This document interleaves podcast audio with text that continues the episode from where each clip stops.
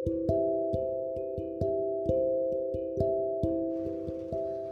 guys, welcome back to my podcast. Balik lagi sama Miss Communication di sini.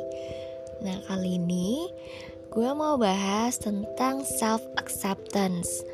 Apa sih yang membuat kita itu bisa menerima diri sendiri dan kita itu akan merasa cukup sama apa yang kita punya sehingga kita tidak selalu merasa kurang dan kita bisa dengan bangga memberikan energi kepada dunia di luar diri kita untuk merasakan mereka juga merasakan apa yang kita rasakan dan mereka pun menghargai atas apa yang kita miliki. Jadi pertama kali kita harus menerima dulu nih diri kita seperti apa. Mau seaneh apa pun, mau sejelek apa pun, mau sebagus apa pun atau setinggi apa pun diri kita, kita itu tetap sama nilainya di mata Maha Pencipta di mata Sang Pencipta atau Yang Maha Kuasa. Jadi, sebenarnya kekurangan kita itu adalah karakteristiknya kita. Kalau misalnya kita merasa kita tidak menyukainya, maka kita bisa memilih mau tetap tinggal atau berubah. Dan kalau kita nggak suka ya sebaiknya dirubah dibanding kita terus-menerus mengeluh dan akhirnya malah menyalahkan orang lain ataupun menyalahkan Tuhan karena memberikan kekurangan tersebut terhadap diri kita. Jadi ada sebuah acara nih, acara Jepang yang di mana waktu itu ada tiga orang yang diundang di acara televisi itu. Awalnya gue kaget kok bisa ya tiga orang ini yang notabene tidak dibilang tidak bisa dibilang cantik gitu karena perawakannya tubuhnya super gendut dan um, jauhlah dari kata cantik untuk masuk televisi gitu.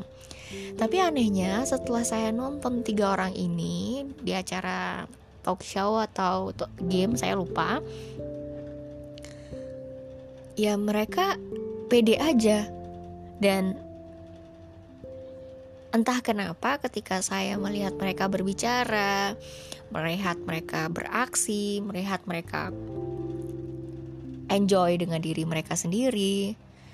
Lama-lama saya melihat mereka ini ya cantik apa adanya gitu terkait matanya yang terlalu sipit, badannya terlalu gendut dan hidungnya yang lebar dan cara mereka berbicara itu jadi sebuah hiburan dan saya melihat mereka itu cantik apa adanya. Gitu. Kenapa hal ini bisa terjadi? Mereka menggunakan kekurangan mereka untuk memberikan contoh dan inspirasi. Ketika kita menerima diri kita apa adanya, orang lain pun akan merasa senang dan melihat itu jadi kelebihan dan itu jadi kecantikan kita untuk perempuan atau kegantengan seseorang untuk laki-laki. So, setelah kita menyadari nilainya kita, kita itu juga bisa menerima diri kita apa adanya terkait apa pun yang kita miliki dan bersyukur karenanya karena ketika kita menerima diri kita apa adanya ya kita merasa cukup dan tidak perlu untuk mengikuti orang lain untuk jadi lebih cantik lagi lebih cantik lagi atau lebih apa pun gitu kan. Karena itu akan membuat kita selalu merasa tidak puas. Buat teman-teman yang ada di sini, kalau misalnya merasa kurang puas dengan diri sendiri, di cross check, boleh dilihat lagi, boleh di revisi lagi apa yang perlu diubah dan apa yang tidak perlu dirubah dan berusaha untuk menerima diri sendiri itu adalah hal yang menurut gue pelajaran penting bukan hanya untuk diri gue juga tapi untuk teman-teman juga sekalian Semoga apa yang gue bagikan ini bermanfaat dan have a great day.